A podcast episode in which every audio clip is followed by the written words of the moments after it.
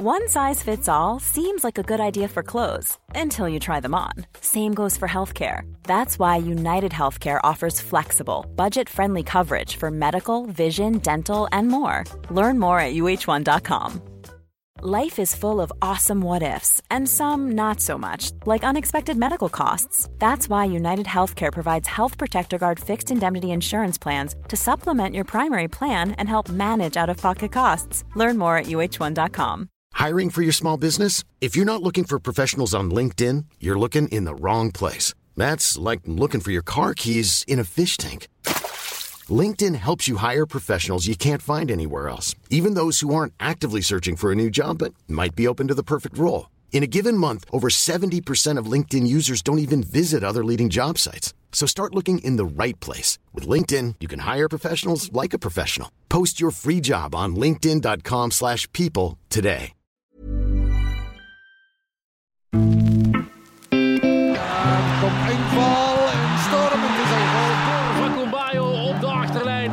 Zo de goal van eh, Engvall. Anfallaren Gustav Engvall, ursprungligen från Färjestaden på Öland, är klar för IFK Värnamo i fotbollsallsvenskan. Efter en rad år som utlandsproffs med en del utlåningar är Gustav Engvall en allsvensk spelare igen då anfallaren skrivit på för tre år med IFK Värnamo. Podden berättar Engvall varför valet föll på fjolårets allsvenska nykomling trots att han hade andra alternativ. Och sen var det väl extra viktigt den här gången med min situation jag hade, att det skulle bli rätt och att jag inte skulle hoppa på något bara för att hoppa på. Um, så jag hade olika alternativ. Jag hade ju som du sa svenska klubbar och, och norska och även lite turkiska sådär. Um, men det föll på Värnamo. Um, det var bäst, ska man säga, för att kunna starta om lite, ska man säga.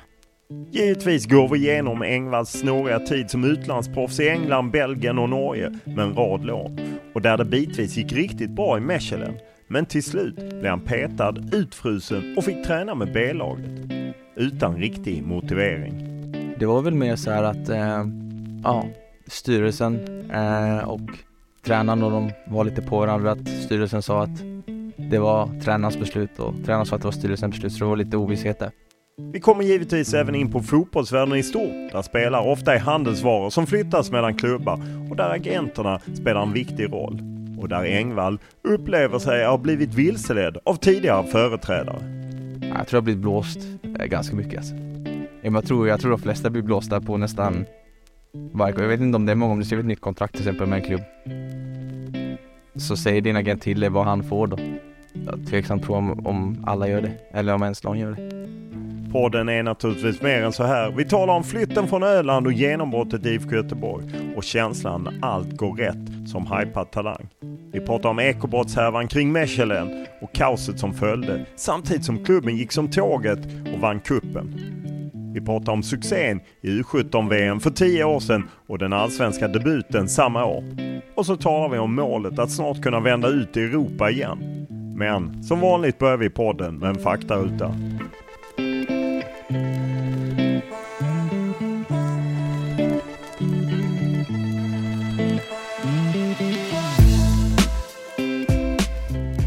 Kör vi igång. Ålder, 26, bor, Värnamo. familj, Ehm, pappa, mamma och storebror. utbildning, Ingen. lön. Det skippar vi. Tillräckligt. Vad kör du? BMW. Vad läser du? Eh, inte så mycket. Någon, eh, vissa böcker av pappa brukar jag läsa. Så. Vad tittar du på? Eh, serier för det mesta. Vad lyssnar du på? Allt möjligt. Vad spelar du på? Xbox. Eh, Vem är för dig tidernas bästa fotbollsspelare? Ja, jag vill säga Messi. Vilket är ditt favoritlag och varför? Mm, jag har inte riktigt favoritlag, men jag gillar att kolla på Barca, men det var lite deras prime kanske med Xavi, Iniesta och sådär. Eh, vad klassar du som det finaste du vunnit i fotbollsvärlden? Mm, Cupguld Belgien tror jag. Eh, vilken är den största upplevelse du haft som eh, i fotbollssammanhang? Jag tror också det var den cupvinsten där i, i cupen. Med Mechelen? Ja, med Mechelen yes. Eh, vilken är den bästa tröja du bytt till dig? Eh, vad dåligt med det alltså. Jag skulle kunna gjort det mycket bättre, men jag tror inte ens ha någon, jag har någon kompis tror jag tror jag. Det är väl det. Eh, vilken regel hade du velat ändra på i fotboll? Eh, Jag tror att jag är ganska nöjd med reglerna faktiskt. Eh, vad hör du mest på planen när de vill psyka dig? Nej, det är mer, jag hör inte så mycket, det är mer sjuk, eh, nyp och sånt där. Lite fysiskt med. Eh, vem är den bästa du spelat med eller emot? Um, mot Nangolan, tror jag. Och eh, med. Så alltid Lasse Wiberg, men tycker den säsongen han hade då var bra. Vad har du tränat mest på i din karriär för att vässa? Vad sa du? Vad har du tränat mest på i karriären för att bli riktigt bra? Mm, min snabbhet senaste. Eh, vilken egenskap blir du avundsjuk på när du ser andra spelare? Vad hade du velat ha? Dubbelfotade spelare. Eh, tar du fram några gamla mål på Youtube eller eh, klipp på något sätt för att bli på gott humör? Och, Nej, jag har något, men inte för mycket. eh, vilken är din favoritfilm? Uff. Uh, Django. Vid vilka tillfällen ljuger du? Uh, aldrig. Som alla fotbollsproffs har du handlat mycket. Vilket köp ångrar du? Ångrar? Fy. Nej, jag vet inte. Jag är ganska nöjd med mina köp faktiskt. När var du riktigt lycklig senast? Uh... Ja, med cupguld med Mechelen då. Eh, och när du gör något, vill lyxa till det och liksom göra något härligt, vad gör du då? Mm, då brukar jag, eh, ja nu när jag är i Värnamo så åker jag till min familj ofta.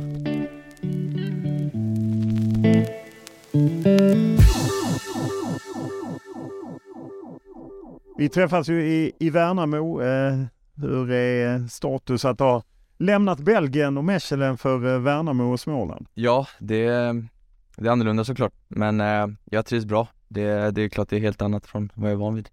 Eh, ni fick en stark start, stark start eh, vann första och stryk sen i, i andra på Borås Arena. Hur mycket påverkades ni av matchflytten och så? Nej men lite såklart. Um, det är klart jag aldrig, det kändes ändå som en bortamatch fast det var hemma. Um, sen kom det att gynna oss men det var inte tillräckligt i det här fallet. Eh, vad känner du annars kring eh, allsvenskan? Hur bra koll har du på allsvenskan nu när du vänder hem? Ja men jag tycker jag har OK koll. Jag menar jag följer alltid den varje år. Eh, sen tycker jag den har blivit bättre senaste. Jag tycker den växer hela tiden så det är kul att, att vara med där och, och köra. Vad är det som har blivit bättre tycker du? Jag tycker många lag har, eh, det är lite mer ovisst. Sen har vi några lag som sticker ut kanske men annars så ser man ibland vissa lag som kanske inte räknar med att göra en bra säsong och vissa sämre som man ska, ska vara i toppen så att det är mycket jämnare skulle jag säga. Eh, ni har ju Kim Hellberg som tränare. Vad, vad sa han till dig som gjorde att du skulle bli intresserad av att komma till IFK Värnamo? Nej, vi hade ett långt samtal. Um, och det var framförallt hur han ser på fotboll och hur han uh, får fram sin fotboll och han kan lära spelare med små grejer så att uh, jag tycker det känns bra senaste. Så det var framförallt det hur han jobbar med fotboll och hur pass mycket fotboll de tränar också för att kunna verkligen bli bra. Vad är det i den fotbollen som lockar dig? Nej men uh, små grejer och mycket mycket liksom köra på det. Det är lätt att säga en sak men här är det verkligen att vi gör grejerna på plan som, som vi går igenom innan. Så vi har teoripass innan och vad vi ska göra och sen gör vi det i en och en halv timme. Och det är ett eh, sätt som jag inte varit med om innan att man, att man gör det mycket lättare att kolla lite klipp eller och sen glömmer man det. Men här är det verkligen, gör vi inte något som är bra så fokuserar vi på det liksom. Du har ju tidigare i Allsvenskan, eh, otroligt nog, gjorde debut i Allsvenskan för tio år sedan, 2013. Det tror man inte. Nej, 20, nej gud, tio år sedan. Ja. Ja. För du har ju tillhört lite större klubbar får man ju ärligt säga, men först Blåvitt, sen Djurgården, sen är Blåvitt igen. Eh, vad visste du om IFK Värnamo? Um, nej men jag, de har haft en galen resa från upp till Superettan, sen direkt till Allsvenskan, sen en, får man säga en stabil säsong förra året så att um, um, det är en uh, klubb som verkligen tar nya steg. så att uh, jag har följt dem lite förra året och sådär så att som jag sa det det är liksom eh, nu de tar nya steg hela tiden så. Men ändå där man är, du har ju varit utomlands och, och spelat eh, och även om du var på lån i Norge. Mm. Vad känner man? Agenten ringer och säger IFK Värnamo är sugna. Hur, hur, du ler ju när jag säger det. Hur, hur tänkte du? Nej såklart, det var väl inget jag hade tänkt på innan då när jag satt där i Belgien och, skulle iväg. Uh, men uh, som sagt, man, uh, jag lyssnar alltid och så snackade jag med Enes och Sen, sportchefen? Är. Ja precis, sportchefen. Och sen kopplade han in Kim några dagar senare då. Ehm, och sen efter det så känns det väldigt bra. Ehm, men det är klart, eh, i början så tänkte jag då, Värnamo, vad, eh, det var inte tanke jag hade för, ja, en dag sedan de, när de ringde liksom att det skulle till Värnamo, men nu är jag här.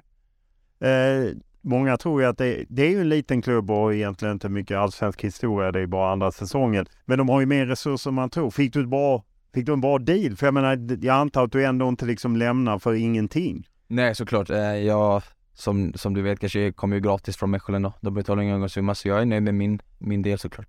Eh, vad hade du för alternativ? Det talades ju om eh, Brommapojkarna, det talades om Kalmar FF som du sköt ner själv eh, ganska direkt. Vad, vad fanns det för alternativ när du skulle vända hem till Sverige? Eh, nej men det, det fanns en del och sen var det väl extra viktigt den här gången med min situation jag hade, att det skulle bli rätt och att jag inte skulle hoppa på något bara för att hoppa på. Eh, så jag hade olika alternativ. Jag hade ju som du sa svenska klubbar och, och norska och även lite turkiska sådär. Ehm, men det föll på Värnamo. Ehm, det var bäst, ska man säga, för att kunna starta om lite, ska man säga. Eh, du skrev ett kontrakt på eh, tre år, blir du i princip, 2025 ut. Hur resonerar du kring att skriva så långt kontrakt? Nej, det var väl Värnamo som la fram det och, och samtidigt så kändes det bra med allting och det är väl också någon eh, grej för mig att inte ha någon stress på det heller. När man skriver ett eller två års kontrakt så, så kan man sitta lugnt, lugn och ro och verkligen bli bättre och ta sin tid lite så. Eh, om man ser, eh, de är nykomling, ska ju hänga kvar. Har du någon klausul som gör att du kan, om de trillar ur så kan du mm. komma ut? Ja. Inte? Vill du inte ha det? Vi eh, kommer inte åka okay. Nej, nej, okej. Okay. Det behövdes inte ens tänkas på. Du ska ju ersätta Max Antonsson och hans många mål. På något sätt är det det, ni är ju lite olika som mm. spelare, men ändå. Hur känner du med det trycket? Ja, nej, det har väl varit en fråga jag fått eh, varje gång jag haft någon form av intervju eller liknande och det är klart att jag ska göra mål, men som, vi, som du sa, vi är olika spelare och jag är övertygad om att jag kan göra mål men också hjälpa till på andra sätt i både spelet och i eh, att passa fram. Um, så det är klart, en, en viss press kanske utifrån, eh, från andra men eh, från mig och Värnamo så är det väl att eh, jag är den spelaren jag är och såklart att Kim kan hjälpa mig kanske att bli bättre på att göra mål um, och spetsa till det men um, jag tror det är dumt att jämföra för mycket också. Jag tror du hade 71 minuters speltid i Mechelen innan du kom hit utspritt på fem inhopp är det väl. Mm. Eh, vilket slag är du i? Du startade ju senast när ni föll mm. på Borås Arena men annars ingen start i Allsvenskan. Nej, Nej um, Nej jag tycker väl den är god, jag menar jag har varit här eh, ganska eh, länge nu, en månad lite mer är det väl. Eh, mer än nästan två va? Eh, men i alla fall, eh, så nej men min, min kropp och, och fysiskt känns okej. Okay. Eh, absolut att man kan spetsa till, det, till den såklart. Eh, samtidigt som jag känner att jag har varit här och kommit in i det bra. Så att jag tycker ändå jag ligger ganska bra status. Sen är det minuter man ska få och man växer ju varje vecka när man får spela och sen kroppen återhämtar sig och komma in i det och sådär. Så att eh, jag har väl några matcher kvar till att vara i topp, topp, men eh, jag känner redan nu att jag kan prestera på högsta. Du lämnade ju Blåvitt senast du var i Allsvenskan var ju 2018 när du var på lån. Var, var har du utvecklats sedan dess? Mm, ja, då gick jag till Belgien efter och sen efter det så jag har blivit eh, ganska snabb. Jag tror att eh, folk har eh, kanske sett mig som en jättesnabb spelare men jag har haft bra speed senaste och, och det är väl en sak som kanske är lite som man inte tänker men eh, snabb är jag. Hur tränar man upp det? Ja, jag har väl inte specifikt tränat det så, eh, liksom individuellt men det är väl i Belgien mycket olika former av aktivationer och, och lite sådär extra träning med, med fystränaren där nere. Så det har väl blivit det då. Du var ju på lån eh, i svenskklubben kan man väl nästan säga, Sarpsborg, eh, Billborn och eh, Jocke Björklund och så. Hur, hur var det halvåret? Nej men det var bra. Um, då satt jag väl också i Mechelen och, och kände att jag var tvungen att gå bort um, och hoppa på något och känna att jag får spela fotboll igen och bara slappna av och det blev Sarpsborg, det var en jättebra tid. Um, jag trivdes jättebra där och um, det var skönt med att känna sig lite hemma som du sa, en svensk klubb med många spelare som jag känt sedan innan och tränare och sådär så att där var jag, där var jag nöjd. Uh, samtidigt som att vi, vi kom i en ganska tufft läge där, sen blev vi bättre men um, I vilket, i vilken form kom du i ett tufft läge? Nej men klubben i Sarpsborg, jag tror det var på sjunde eller åttonde raka torsken då. och så hade vi Bode och Molde direkt då. Um, så vi hade väl en nio raka förluster där. Sen vände det ju, sen efter det så eh, torskade vi inte än. Vi spelade lika några matcher, annars vann vi allt. Så det var ju styrkebesked och där var jag en del i det. Även om jag kanske inte gjorde 20 mål så, så slet jag mycket och, och kämpade liksom.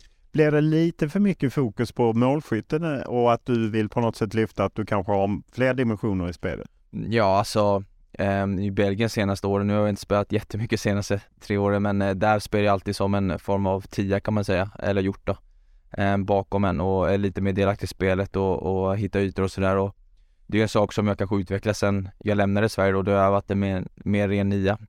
Um, så det är klart jag har utvecklat det spelet att kunna droppa ner och kombinera mer än vad jag kanske gjorde när jag var yngre i Allsvenskan när jag var 18, 19, 20, eh, 21 där. Um, så det är väl en uh, grej samtidigt som att jag vet att jag gör mål men eh, det är klart att det är en uh, det är med Kim och allting hur vi tränar att det kan bli, bli lite spets på det också såklart. Eh, du kommer ju från eh, Mechelen som du ju tillhört under lite längre tid. Eh, på något sätt har ju belgiska ligan i, för en del blivit lite tuff. Nu går ju Merabti har ju gått bra även om han blev skadad nu. Men hur upplevde du tiden i, i Belgien? Är det något speciellt med belgiska ligan som gör att svenska spelare har svårt? Eh, ja, alltså det, det är en tuff, tuff klimat är det. Um, på vilket sätt? Nej men Mechelen kanske har varit lite annorlunda än man kollar på de andra större klubbarna som Gent och Genk och Brygge och Anderlecht och Antwerp till exempel men det är ett ganska tufft klimat. Sen hade vi en tränare som kom in ganska tidigt där som var ganska mer relaxed än de vanliga tränarna är där. Och det funkar ju bra för, för mig då, um, första året där. Men det är speciellt då, um, såklart det var annorlunda första året när vi var andra ligan och då var det ju lite mer att vi hade en trupp och man spelade och det var liksom, vi vann ganska enkelt varje match. Och sen direkt när vi gick upp till högsta ligan där och så, så blev det något liksom, något som bara hände med, med klubben och blev det lite mer att vinna matcher än att, eh, ja ska man säga, på en annan nivå liksom. Och då föll jag bort där med min, min knäskål som kom tidigt i högsta ligan där. Eh, men den här bilden att man har att det är kanske en tuff fysisk liga och att det är liksom man kan bli utfryst, det är mer att spelarna är mer handelsvara. Delar du den bilden? Ja, så jag har känt på allting tror jag. Jag har varit top of the world där med när vi vann cupen och gick upp till högsta ligan och sen har jag varit ganska långt ner i botten senast också innan jag lämnade. Um, ehm, så det är väl uh, någonting som, uh, som är uh, speciellt där också att det kan, det går väldigt snabbt. Det gör vi alltid ute i Europa men um, den känslan hade inte jag i Mechelen för tre år sedan men senaste åren det var då gick vår tränare till Genk, då blev det lite nya eh, ny sportchef, nytt och då, då blev det helt annorlunda i klubben senaste två åren i alla fall. Hur eh, försökte de frysa ut dig? Nej men det var, eh, jag tror jag är en av, det är väl jag och tre, tre till, fyra till kanske som har varit där sedan eh, 2018 då, så vi fick vinna kuppen och gå upp. Eh, frös ut och frös ut men jag kom tillbaka från Norge eh, på lån och hade kommunikation med tränaren och Steven Defour, gamla spelaren då och eh, sportchefen som jag själv har spelat med i tre år. Vi vann cupen tillsammans då. Och det var inga konstigheter. Jag skulle tillbaka och, och vara med där och se hur det kännas. Um, och det känns väl bra till en början men jag fattar att man inte kommer tillbaka från ett lån och gå in i starten direkt. Så jag kämpar ju på som, som jag gjort liksom och, och kände att ja, men jag får bara gnugga, får vi se vad som händer. Kom in någon match, kändes bra. Hade ett bra skott var på att gick in och sen eh, Sen hade vi en del skador och sen en dag innan eh, Jag vet inte vilken, vilken dag det var men vi hade precis käkat, fru eller precis käkat frukost så kommer Steven till mig och bara tar konversationen med mig då att, att de har bestämt sig att jag inte ska träna med A-laget längre då. Hur tar man det? Men det var ganska väntat. De hade gjort det innan med några par spelare då, så jag var ganska förberedd på det ändå. Um, men uh, jag tog det ganska lugnt. Jag var lite mer, uh, ja, jag sa väl ingenting. Jag satt och lyssnade och så gick jag ut och sen uh, var det B-lagsträning. Vem tränar man med då? B-laget. U21 och lite yngre killar då. Hur är det att gå från liksom A-laget och den, de resurserna som finns där till att flytta ner i B? Ja, det är speciellt. Um, det är speciellt. Um, men uh, jag var faktiskt inne och käkade lunch och frukost ändå med A-laget några dagar. Um, och sen tränade jag med B-laget. Så att de tog ju pengar av min lön varje dag, eller varje månad för mat och en liten summa då. Så då hade jag rätt till det i alla fall. Men eh, de sa inget att du får inte vara här? Nej, inte så. Um, inte direkt, det var väl mer bara, de hade gjort det som jag sa med några spelare innan jag kom då, så jag hade ändå koll på att vissa spelare som de kände att, ja, att de inte trodde på eller Motiverade de det på något sätt? Förklara de för dig varför? Mm. Nej, inte riktigt sådär. Det var väl mer så att, eh, ja, styrelsen eh, och tränaren och de var lite på varandra att styrelsen sa att det var tränarens beslut och tränaren sa att det var styrelsens beslut så det var lite ovisshet där. Hur är det när det är gamla lagkamrater som man har spelat? Ja, det är konstigt. Um, och um, nej, vi hade ju en konversation, jag och de, vissa jag eller i laget då, eh, som jag var tight med sen, sen länge och jag sa ju det när de skickade de andra spelarna att det kanske hände mig, men de sa nej, de, de ska inte skicka ner det, har varit här i fyra och ett halvt, och sen på femte året till sommaren var det fem år. Så de kommer inte göra mot dig, men vips så, så var det så. Hur, hur känner man då när eh, framtiden, man vill ju spela fotboll och så får man träna med B-laget och det gör man inte för att man ska spela där. Nej precis. Nej det är speciellt. Uh, samtidigt som att redan innan det så hade jag en känsla av att jag um, vill ju spela fotboll och det kände jag att det kommer jag nog inte få göra i Mechelen längre utan att det var lite in the past så att säga. Så um, redan innan, till, innan jag blev nedflyttad så hade jag ju fått igång grejen att lämna då. Fick du ut alla pengar och så? Um, de, det var där jag du fick det, men du, de är skyldiga dig pengar nu alltså? Eh, nej, inte, inte så. Det avslutades på ett ändå bra sätt. Hur eh, slutade med att de släppte dig gratis? Nej, men det var väl eh, framförallt att de, eh, jag vet att de haft ekonomiska problem innan då. Eh, och det är väl lite så att jag, var en ganska hö- hade väl en ganska hög lön där så att skulle inte jag vara sitta på bänken eller antingen var det väl lite att spela eller inte vara med överhuvudtaget då. Lite så.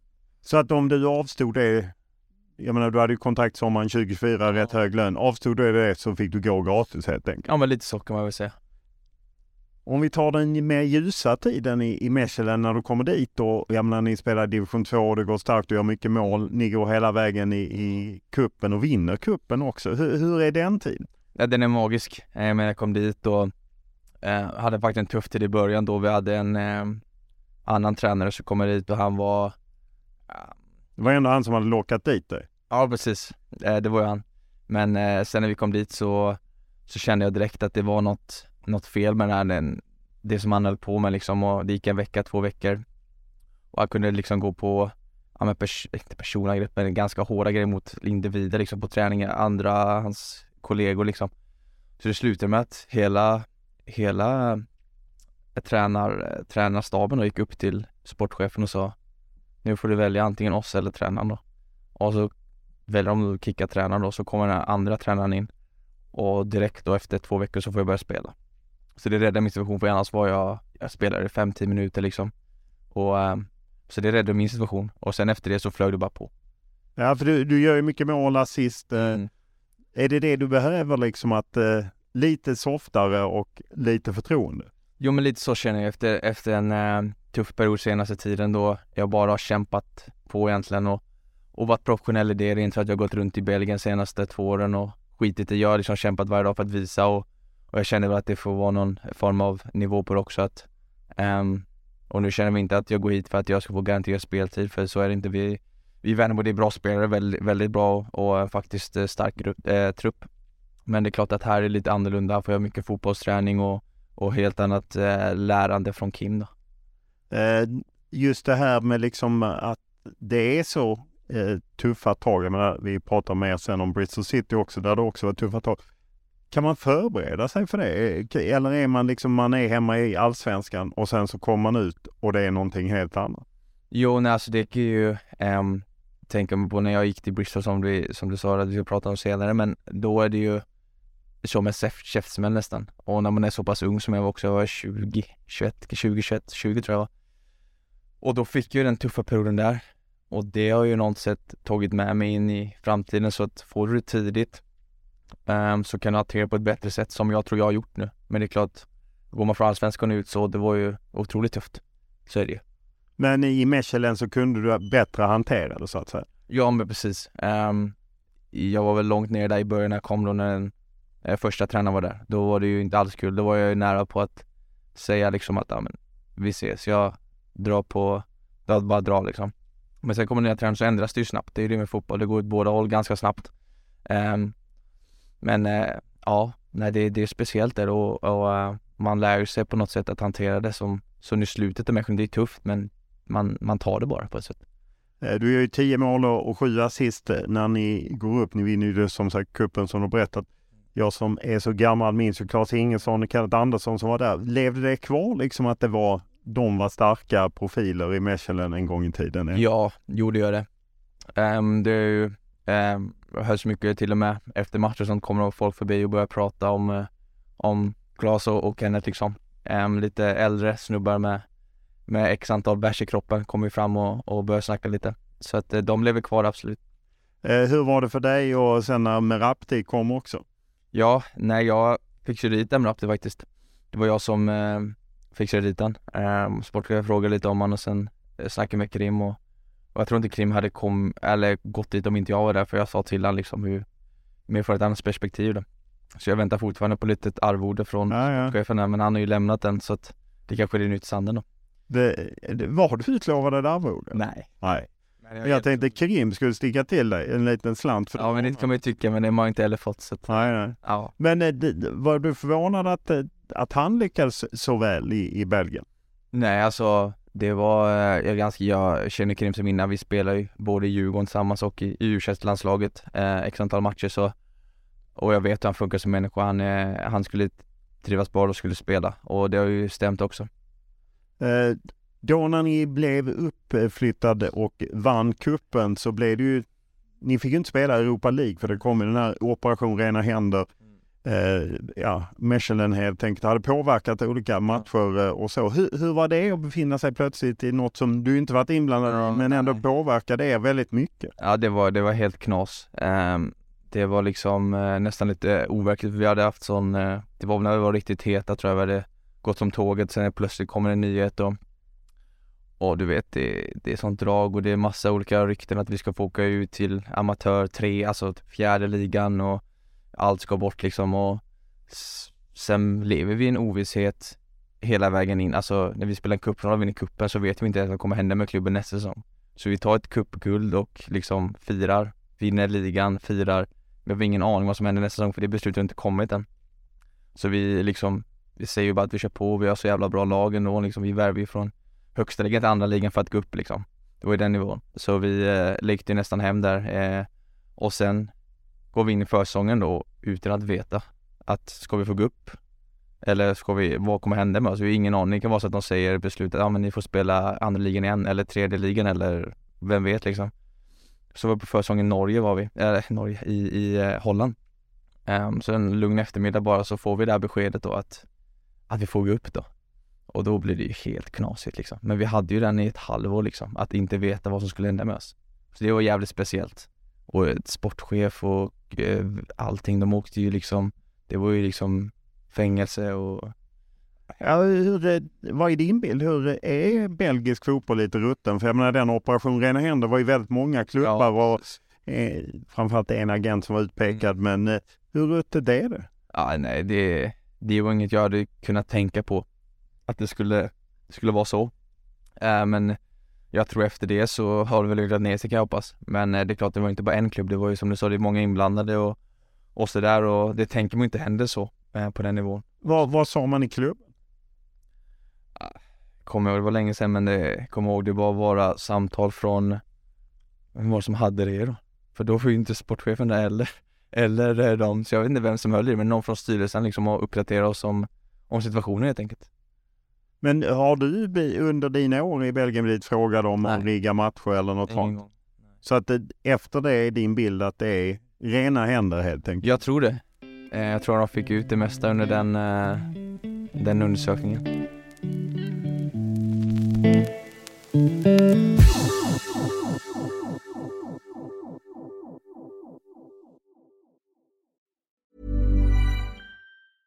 Ready to pop the question? The jewelers at BlueNile.com have got sparkle down to a science with beautiful lab grown diamonds worthy of your most brilliant moments. Their lab grown diamonds are independently graded and guaranteed identical to natural diamonds, and they're ready to ship to your door. Go to BlueNile.com and use promo code LISTEN to get $50 off your purchase of $500 or more. That's code LISTEN at BlueNile.com for $50 off. BlueNile.com code LISTEN. There's never been a faster or easier way to start your weight loss journey than with PlushCare.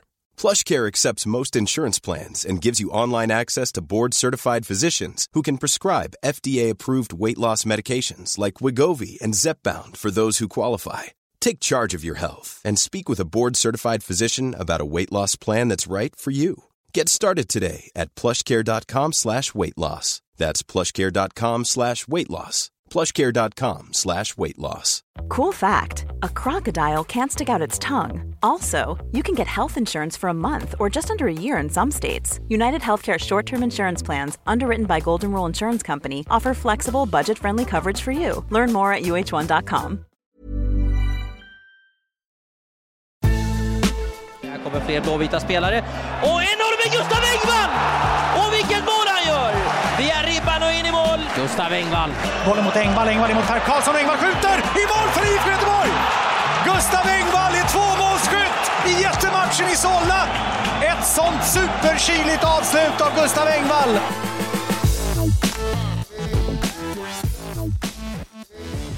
Vi pratade ju om det tidigare att det är tio år sedan allsvenska debuten. Du var ju ett stjärnskott eh, från eh, Öland, Färjestadens Goif som gick till Blåvitt. eh, Och hur kom det sig att du gick till, till Blåvitt då? Ja, ehm, det var väl, eh, jag spelade ganska tidigt i division 3 där som 14-15-åring och det gick bra och sådär och jag träffade Kalmar flera gånger för att prata om framtiden. och De väl in mig i deras tipselit var det då. Ehm, men sen var det mamma och pappa som var lite så här, eh, sitt lugnt i båten sådär. Eh, Och det gjorde jag ju då. Eh, så jag tror att de hade mer kollat Göteborg vinsträtt än vad jag hade då. Och sen efter ett tag så, ehm, så stod det i tidningen, kommer ihåg, att Göteborg vinsträtt och, och sen Och då tror man på det. Ja, då trodde jag på det. Då var jag överlyckliga 14-15 liksom. Ehm, och sen så sa vi allihopa att men vi åker på att träffa dem och bara kolla läget.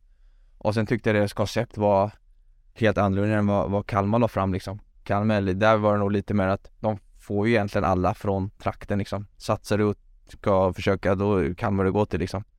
Ehm, och där var de väl lite, kanske för eh, säkra för det har ju knappt hänt innan att någon har gått något annanstans. Men eh, nej, så Göteborg hade ett bättre koncept då och jag kände mig taggad på att åka dit och bara fokusera på fotbollen, att kanske vara kvar i Kalmar då med och ha kvar alla trygghet, alla kompisar, familj och bara fokusera på fotbollen liksom. Var det därför, finns det någon tagg kvar från Kalmar? För det känns som att du tidigt var ute och strök Kalmar när du nu skulle vända tillbaka till Sverige. Ehm, nej, det är det inte. Alltså, jag har ju ehm, många av mina kompisar har varit där på, på något eller annat sätt liksom, så jag har inga, hyser inga agg mot Kalmar FF liksom. Men eh, det är klart att eh, det var ju, ehm, jag valde min väg och den är ändå, tror jag att det var ett rätt beslut att gå så eh, till Göteborg istället för Kalmar den. Man minns ju när du lappade till Henrik Rydström och kallade honom lilla gubben på Twitter och att han trodde han visste. Ja, det kommer jag ihåg. Den har jag fått höra ibland. Farsan brukar dra den ibland. Brukar han det? Det blev laddat nu när du möter Malmö FF. Ja, eller hur? Nej, nej. Jag har träffat Hen- Henrik efter det faktiskt också. Jag tror jag spelade, jag spelade futsal med honom för några år sedan. Ja, okej. Länge sedan. Tunnlade honom hoppas jag. Nej, eh, faktiskt inte. Han var stabil defensiv. Nej, men eh, nej, då var man väl inne i det här. Jag kommer ihåg det var min första, jag tror jag hade precis gjort mål mot, mot Kalmar också, ja, på Ullevi mot, och då var man lite, ja men omogen och kände sig top of the world så att eh, du kom ju fram otroligt snabbt under Stare och gjorde mål mot eh, AIK och mål mot Djurgården i nära SM-guld. Hur, hur var den tiden när allting rullar på? Ja, det var magiskt. Eh, det var lite som en dröm. Eh, vi hade fantastiskt lag och, och att slå igenom så tidigt var också någonting kanske som man, som man inte ser så ofta. Eh, Göteborg har väl lite tendens att de ofta har någon eh, som sticker upp sådär men att vara med om det och vi, vi var verkligen så pass nära det också och det var verkligen att man kunde ta på det. Eh, så var det ju fantastiskt. Sen ramlade vi på målsnöret så. Hur, hur, hur är det att vara ung talang och på något sätt hela världen ligger framför en och, och det mesta går åt rätt håll? Jo, det är magiskt. Men jag kommer ihåg den tiden, det är liksom, man lever bara med, med nuet och, och jag vet inte, men varje dag känns bara som man bara är top of the world liksom och du är 17-18 och börjar spela allsvenskan, göra mål och man, man liksom syns på ett sätt som så ung och det blir ju verkligen från 0 till 100 direkt. Är det svårt att hantera? Eh, För mig var det inte så svårt, men att jag tweetade lite om Henrik då. Ja, ja det vi eh, ju, men Nej men annars så var det ganska okej. Jag tycker jag höll mig på banan tycker jag. eh, du har ju varit tillbaka en gång till i Blåvitt. Hur förvånad är du över Blåvitts kräftgång idag? Ja, nej det är klart att de har en, en tuff period. Jag känner ju, eh, pratar mycket med Dahlberg och Emil för Göteborg då. Vi, Ja, Pontus Dahlberg, Ja, Emil Salomon, precis. gamla kompisar. eh, så de pratar jag mycket med, men vi pratar inte så mycket om vad som händer i klubben, men att det säger väl alla att det, det är eh, inga jättegoda tider som, som är nu. Du var ju tillbaka 2018 eh, trots att du hade varit eh, lite irriterad på Mats Gren och, och liknande. Hur, hur var den andra varvet i, i, i Blåvitt? Men det var okej. Okay. Jag tyckte väl lite att, äh, att man kom tillbaka dit och man kunde lösa problemen och lämnas bakom, bakom sig. För att jag tror både jag och Göteborg haft bra tid tillsammans. Um, sen, ja, så jag kom egentligen när jag var 16 tills, tills äh, många år framöver. Så där var det framförallt att ja, de ville ha mig och, och vi kunde lösa allt på ett bra sätt. Liksom. Det är ju en rätt eh, fascinerande karriär du har att efter du går till Bristol City eh, du går tillbaka till Djurgården på lån, tillbaka till Bristol City, tillbaka till Djurgården, sen till Göteborg. Hur är det att liksom bara... ja, nej men hoppa Det måste utifrån framstå det som lite jobbigt. Ja, såklart. Um, det är det, absolut. Det är såklart, det är um, speciellt. Um, speci alltså visst, nu hoppar man runt i kanske två, eller Göteborg och Djurgården men framförallt det här med lån och det är stressande framförallt. Um, som jag var på Djurgården där så var jag på lån och sen i sommar så ville Bristol tillbaka mig och sen när Djurgården vill ha mig hela säsongen så missade jag ju två, tre matcher på sommaren som Bristol skulle ha ett annat kontrakt från Djurgården och de skulle betala mer pengar och så blev jag missade matcher och det är bara, du sitter verkligen och bara väntar och du kan inte göra någonting åt det. Hur svår är den världen? Ja den är svår. Så lån var väl också liksom att jag har varit på lån nu ett x antal gånger, senast nu i, i Norge inte så länge sedan och nu var det fortfarande Mechelen sa men lån liksom. De tänkte väl att ja men kan han gå på lån till sommaren och köra bra kan vi sälja han sen. Men jag sa ju direkt att jag är done med, med lån alltså. alltså. Varför eh, vill du inte gå mer på lån? Nej men det är en eh, form av eh, ovisshet också. Jag menar, vara på lån och nu vill jag tillhöra en klubb där jag vet att jag ska vara och där jag vet att man kan få en känsla av klubben ska man säga och, och verkligen ta det därifrån liksom. Men att man ska vara på lån och sen vet man om två månader, vad händer då? Vad säger de då liksom? Till exempel om jag ska vara på lån i Värnamo från Mechelen så är det en ovisshet i sommar till exempel och det har jag varit för många gånger. Hur är svårigheten när man kommer till en ny klubb och man vet att jag har tre, fyra månader på mig att göra avtryck? Ja, det är speciellt. Eh, samtidigt är jag ganska bra på att hantera det där utan att, men eh, det blir också något sätt att jag kommer dit och, och så får man båda köra sitt race och också tänka på, på sig själv. Inte att man inte är en lagspelare, men det blir också att man tänker på, ofta går det på lån när du har fått eh, dåligt med speltid eller vill komma igång och då får du ha den känslan också när du går dit att nu får jag komma igång liksom. Du, du säljs ju av Blåvitt till Bristol City. Väldigt omskriven eh, mm. affär. Övergång blev det ju mest egentligen för att eh, ja, ett par andra agenter dyker upp eh, mm. från eh, Sverige som ju är involverade i själva affären mellan Blåvitt och Bristol City. Men de tar bilder med dig ja. också och så. Hur, eh, ta oss tillbaka till det. Hur, hur eh, upplevde du det? Ja, det var, det var något nytt alltså. Um, det var liksom, jag kommer ihåg bara att jag, jag läste om det, jag satt efter någon match, jag var skadad och hade lite problem med knät så att jag var ändå skadad så att inget skulle hända och sen får jag upp någon nyhet, min kompis, jag sitter och käkar med kompis i Göteborg där på en restaurang så får jag en nyhet om att Bristol City vill ha mig då. Så ringer min agent och säger vad händer? Och han säger nej men det är inget jag har hört och sen en tio senare så är det så är det on då och sen efter det så, så är det sån jävla soppa alltså. Jag vet ju knappt själv vad, vem som var vad och vem som var inblandad. Så det är ju så många händer så att det, det är nästan eh, löjligt. V vet du vad de agenterna gjorde som var, var där så att säga?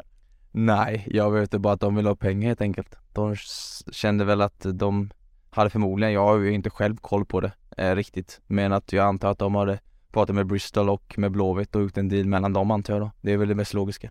Du hade samtidigt också en twist med, med Blåvitt efter det. Hur, hur slutade den? Men den var bra. Det var ju den eh, under perioden jag gick tillbaka där i ja. Göteborg. Så, så ni löste det? det Du fick vad du skulle ha? Ja, det var en, eh, det var en bra lösning. Både för klubben och mig då. Eh, och med agenter, för jag menar, du har ju gått igenom ett antal agenter. Nu senast eh, jobbade du med förre landslagsmannen Magnus Hedman och är väl hans främsta ja. klient i hans ja. stall. Hur landade du hos Magnus Hedman? När jag var en slump faktiskt så hade vi en eh, gemensam eh, barber faktiskt i Stockholm som jag också är bra kompis med och Mange klipps också där. Och så var Så frisören ordnade? Ja, typ. Nej, men så ringde han frisören då eh, och vi käkade lunch, jag och frisören då. Och så sa han om Mange kunde komma men då, jag visste ju knappt han var agent då heller liksom. Jag sa klart han kan komma och sen snackade vi inte så mycket om fotboll men att vi pratade om allmänt sådär och berättade lite och sådär. Eh, och sen byggde vi en relation och sen till slut så kände vi väl att det var dags att köra och eh, jag är jättenöjd med Magnus och lite annorlunda än andra former av agenter man haft. Vad tillför han?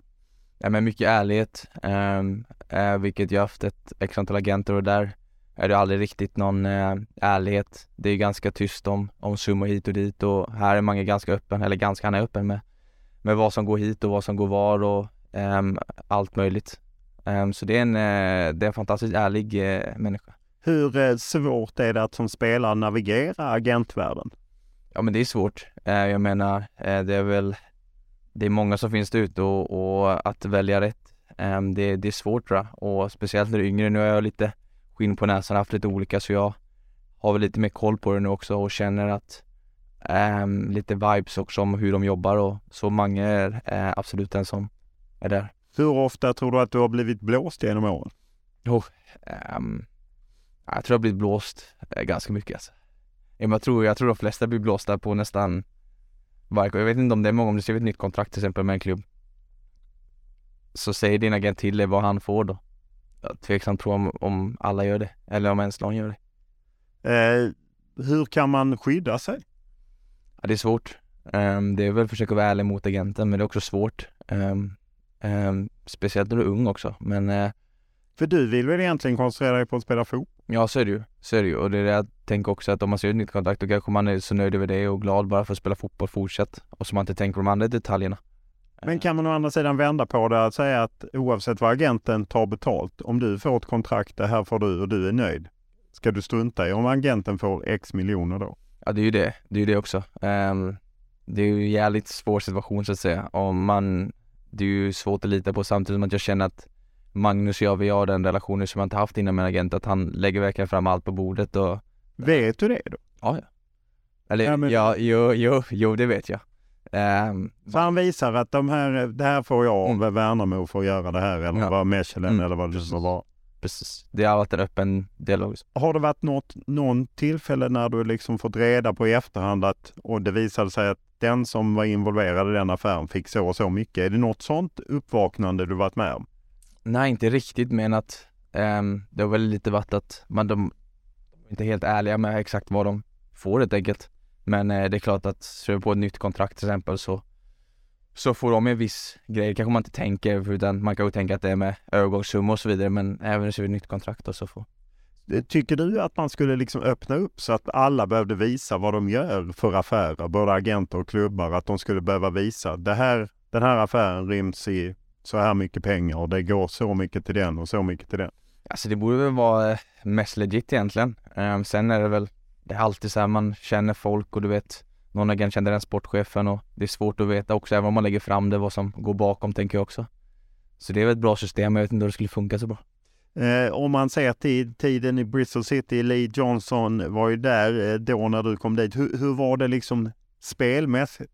Eh, ja, det är också speciellt då. Eh, det är väl framförallt att jag går dit och då vet jag om det att det är det har varit mycket fuffels med. Ja, för det, det, är också någon sportchef som är involverad som är väl någon... Eh... Så sportchefen, de har ju två, två sportchefer tror jag, så en sportchef är involverad i den då. Och sen dröjer det väl inte längre, någon månad kanske, två, två, tre veckor i månaden. Och så är han kickad då. För då antar jag att de fick reda på att han hade klivit in i min affär då och fått, tagit pengar antar jag. Efter men det är något du aldrig vet? Då? Det vet jag aldrig. Men eh, jag kan, alltså jag tror nästan det. Men eh, utan att veta då, men det kändes lite så. Så efter det fick jag det lite tuffare också. Så. Ja, för att de ville på något sätt straffa dig helt enkelt? Jag vet inte hur det, hur det kändes men eh, någonting eh, fuffens var det för jag tror inte, han var ganska ny också tror jag. Så att, att han skulle bli, kanske en slump, det vet jag inte. Men det kändes lite skumt.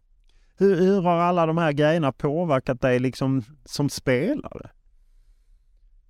Ja, alltså jag tror man är bra att koppla bort grejer alltså. Jag menar, Bristol var tufft men eh, Alltså då var jag ung också, det, det är svårt att säga men alltså, då var det egentligen att Nu tror jag det varit lite annorlunda om det hade hänt sådana här grejer när man, när jag är 26-27 snart. Eh, då var jag liksom 20 och ville bara gå till England för att jag kände att jag ville dit liksom. Och då var det bara fotbollen som räknades.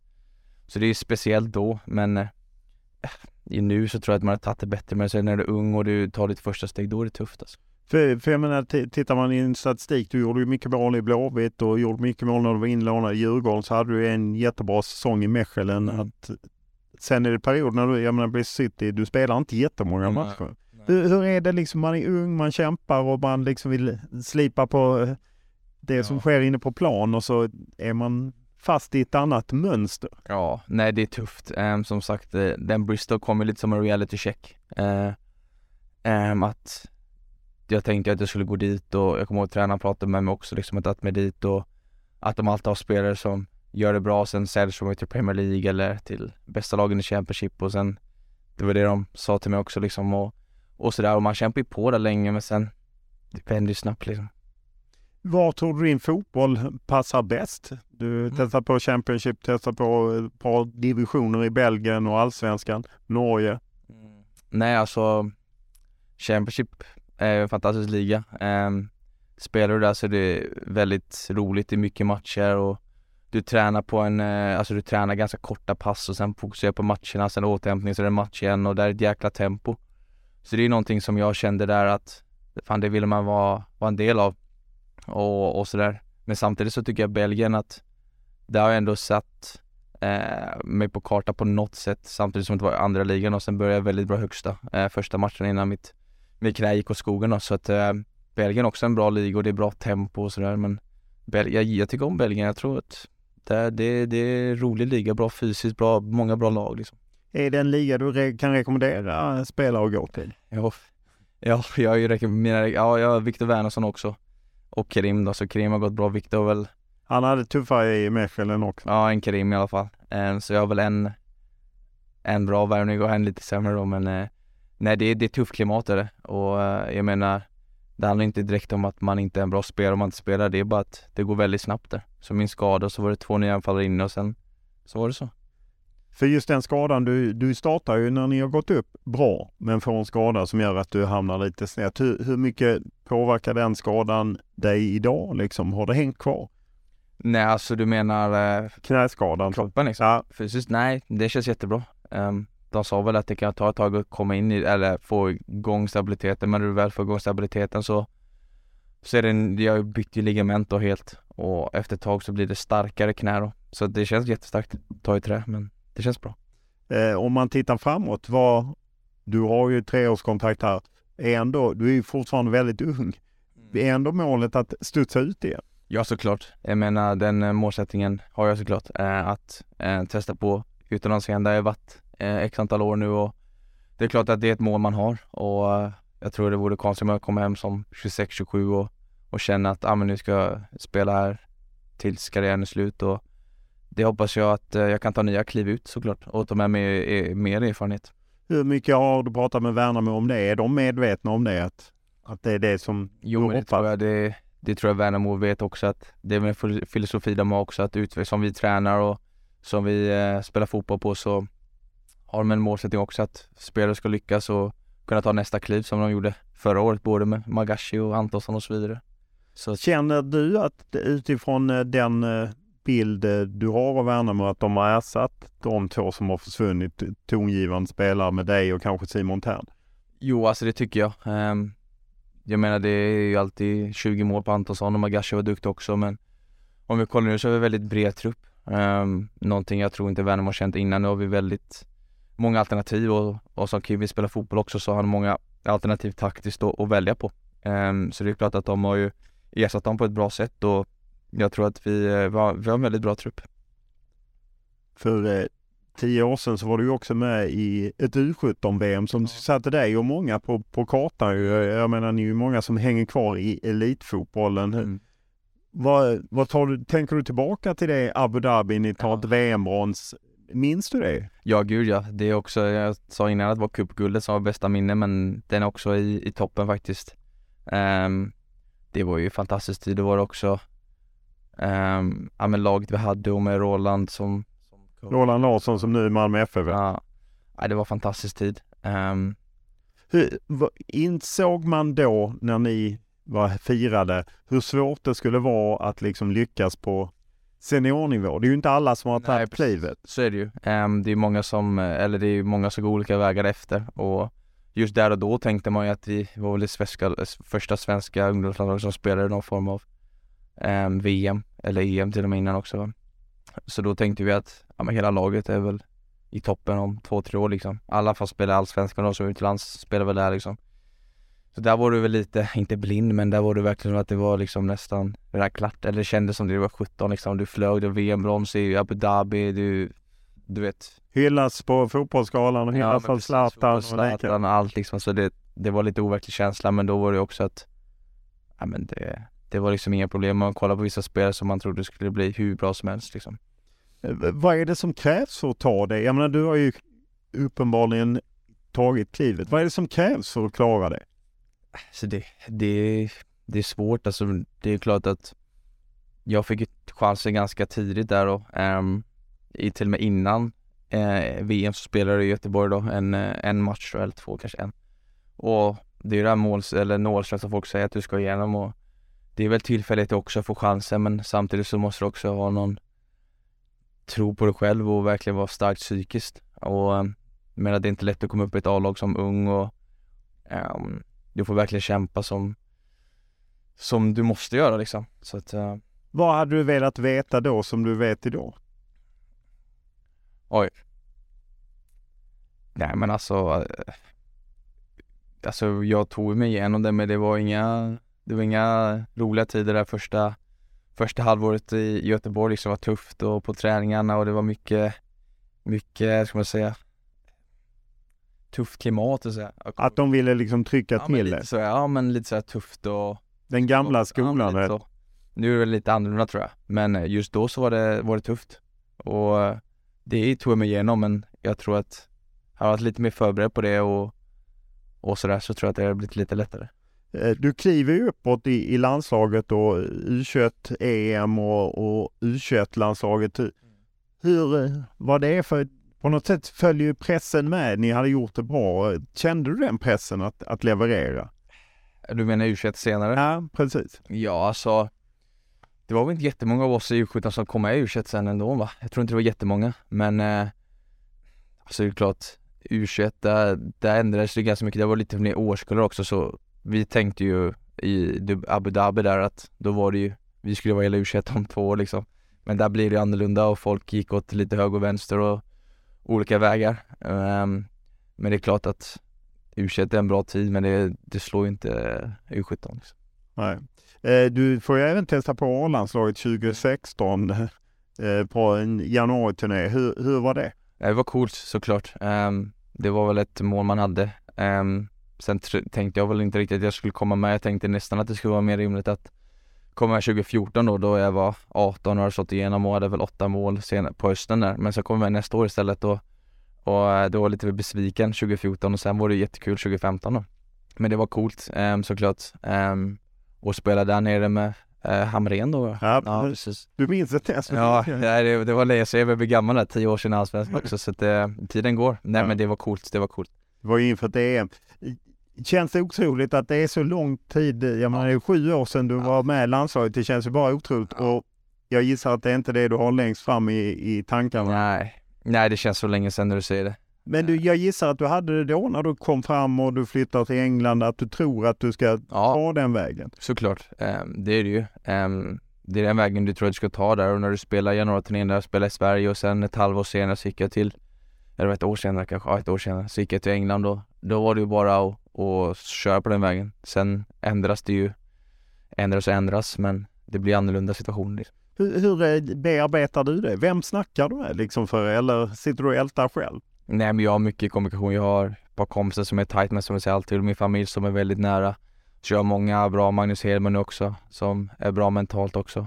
Så jag har många runt omkring mig som, som gör det, men framförallt min familj vid den tiden eh, var väl framförallt då. Det, det talas ju, du har ju talat lite om det, just det här att motgångar kan stärka en. Är det så eller är det en klyscha? Nej, för mig är det ingen klyscha i alla fall. Jag vet att jag har blivit eh, otroligt stark av det jag gått igenom. Både i, eh, ja, Bristol var ju första testet och sen både i Bristol och sen eh, var det väl ganska ljusa tiden då fram till eh, Mechelen för två år sedan Så att eh, det, det, det är ingen klyscha, inte för mig i alla fall.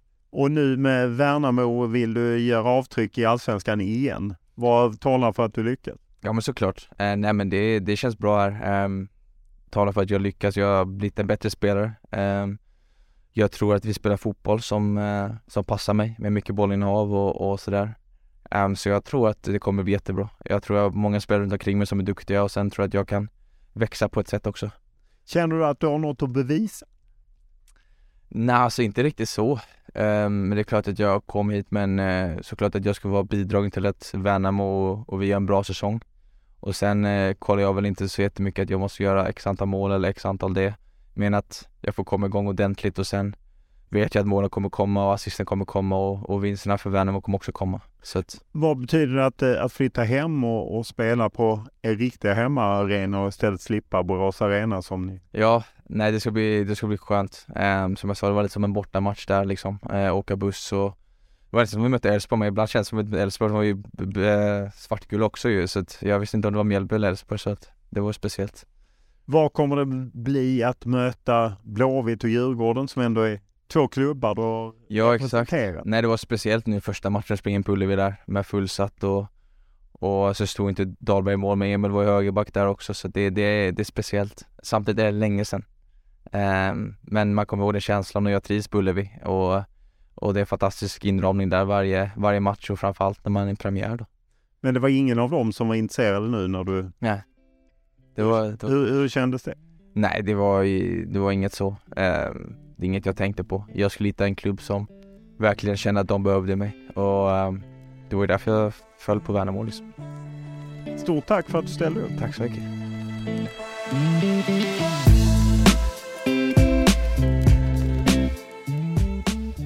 Podden är producerad av Max Richner och klippt av Daniel Eriksson. Och vi hör gärna vad ni tycker och tänker eller önskar kring podden. Bäst är alltid att mejla mig olof.lund.tv4.se eller skriva till mig på Instagram eller Twitter och då är det Olof Lund som gäller i ett ord. Stort tack för den här veckan!